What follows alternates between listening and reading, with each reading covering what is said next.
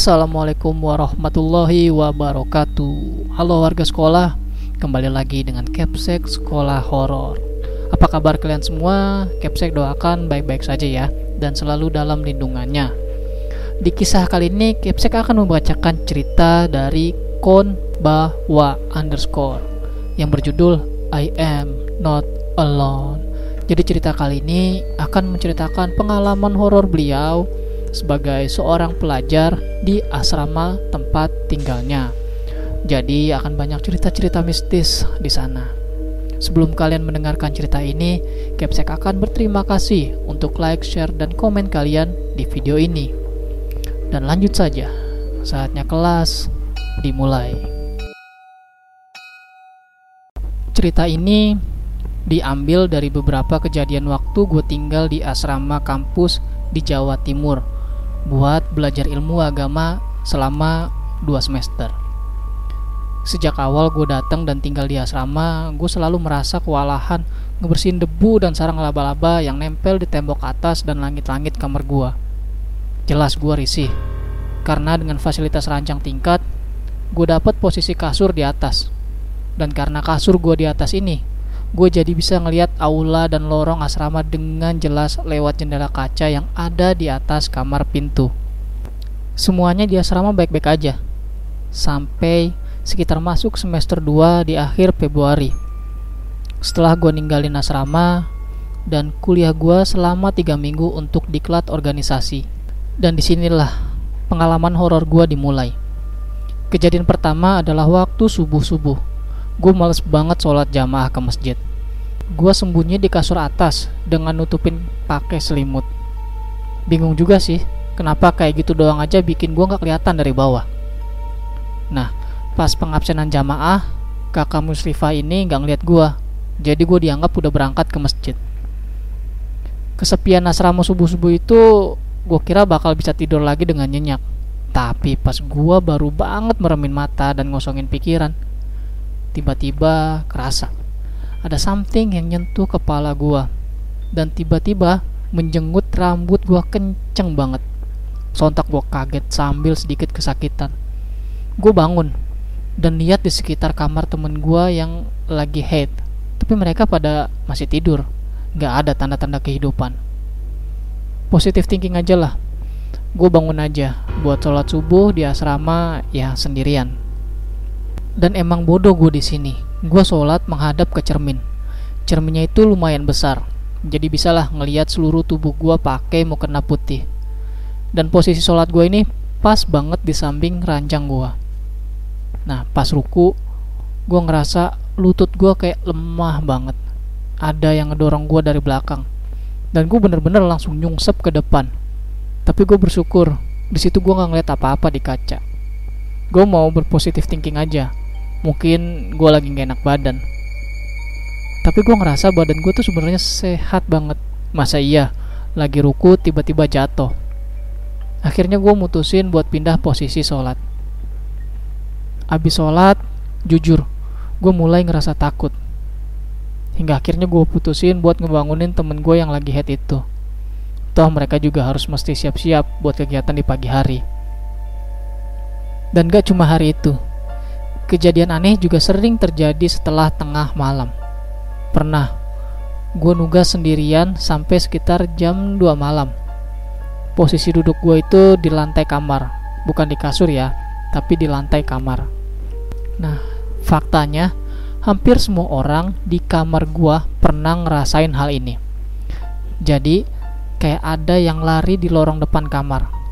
Lari dari ujung lorong ke arah tangga menuju lantai satu Nah oh ya, kamar gua ini di lantai dua ya. Jadi kayak orang yang lari itu kayak lagi kasmaran. Gimana sih menurut gua tuh kayak tabrakan kaki sama lantainya tuh keras banget sampai kedengeran dan bikin lantai bergetar. Dan lagi, gue berpositif thinking aja. Mungkin ada yang lari keluar kamar pakai piyama dan takut ketahuan penjaga.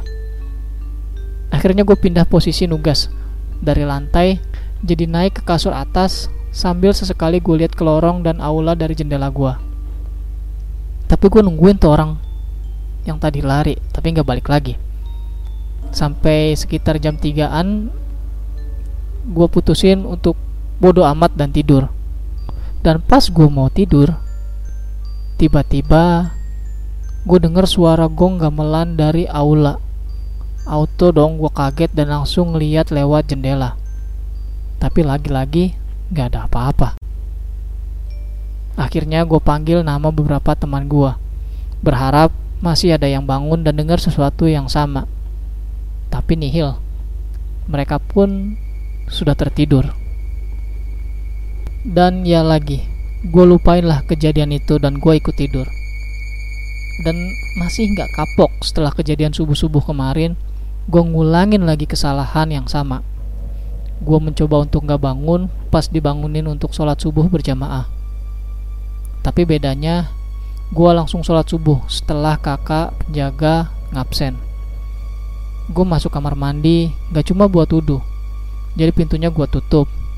Dan baru aja selesai buang air kecil, tiba-tiba ada yang ngetok. Bersikap biasa aja, gue cuma jawab, iya bentar. Namun, pas gue keluar, teman-teman yang lagi hate itu masih tidur semua. Ya udah gue bangunin yang paling dekat sama kamar mandi kon. Kasurnya juga di ranjang bawah. Gue panggil aja namanya Avi. Tapi pas gue bangunin dia bilang kalau dia tuh nggak ngerasa mau ke kamar mandi oke lah gue pikir mungkin yang tadi ngetok sudah tidur lagi akhirnya gue pakai mukena di depan cermin dan siap-siap untuk sholat dan terjadi lagi kayak kemarin. Ada sesuatu yang narik bagian belakang mukena gue nariknya sih sebentar dan sekali.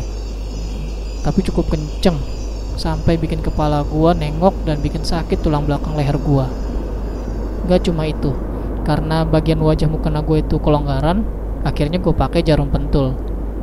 Dan secara otomatis jarum pentul itu pun nempel ke leher kulit gue dan situ gue sakit banget. Gue pengen nangis rasanya tapi ya udahlah kejadian itu emang udah terjadi gitu kan hingga di awal-awal libur pandemi kampus ngasih libur selama dua minggu yang bikin gue bingung itu mau pulang ke Bogor atau enggak Sementara gue kebingungan, teman kamar gue pulang satu persatu.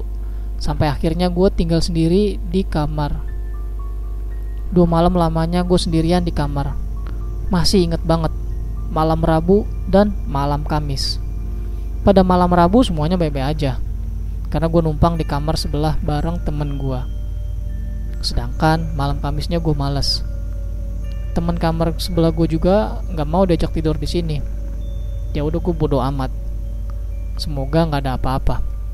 Hingga akhirnya gue siap-siap tidur sekitar jam 12-an di kasur bawah punya temen gue. Yang bagian atasnya juga ditempatin sama Dira. Hari-hari sebelumnya emang gue sering nebeng di kasurnya Uyun. Dan biasanya emang kelihatan rambut Dira menjuntai dari atas kalau malam. Hingga malam itu akhirnya gue berhasil tidur. Meskipun belum nyenyak, tapi pikiran gue udah kosong ya gua rasa sih itu kayak fase menuju nyenyak ya tapi tiba-tiba ranjangnya bergoyang kebayangkan ya kalau ranjang yang cuma bisa digoyangin di atas kasur yang kalau ditempatin gak bisa diem bedanya paling kalau ada gempa gitu di situ gua kaget dan rasa ngantuk gue pun hilang ya udahlah gue langsung aja ambil selimut gue dan pakai headset dengan berharap semua hal negatif ini akan hilang.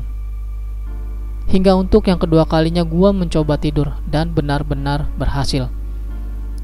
Sampai sekitar jam setengah empat, gue udah mulai bangun. Dengan mata yang masih sipit-sipit, gue ngeliat ke langit-langit kasur Uyun. Eh, ada rambut Dira. Biasa aja dalam hati gue. Terus gue tidur lagi tanpa merasa ganjil. Sebelum akhirnya Pas gue bangun dan sadar kalau gue di kamar sendirian. Setelah itu gue pun langsung minggat dari asrama karena nggak bisa bayangin gimana malam Jumat di kamar itu sendirian.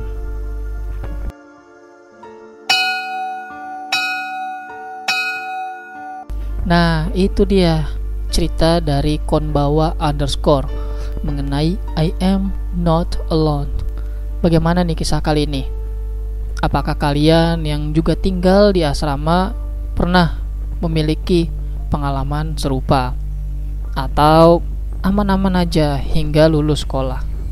Kalau punya pengalaman horor, bolehlah ceritanya dikirim ke Capsek atau kalian bacakan langsung. Terima kasih buat kalian yang telah mendengarkan dan tentunya terima kasih kepada akun Twitter @konbawa underscore yang telah memberikan kami izin untuk membacakan cerita ini. Jangan lupa like dan share video ini agar warga sekolah horor semakin bertambah. Dan sampai jumpa di kelas berikutnya. Assalamualaikum warahmatullahi wabarakatuh.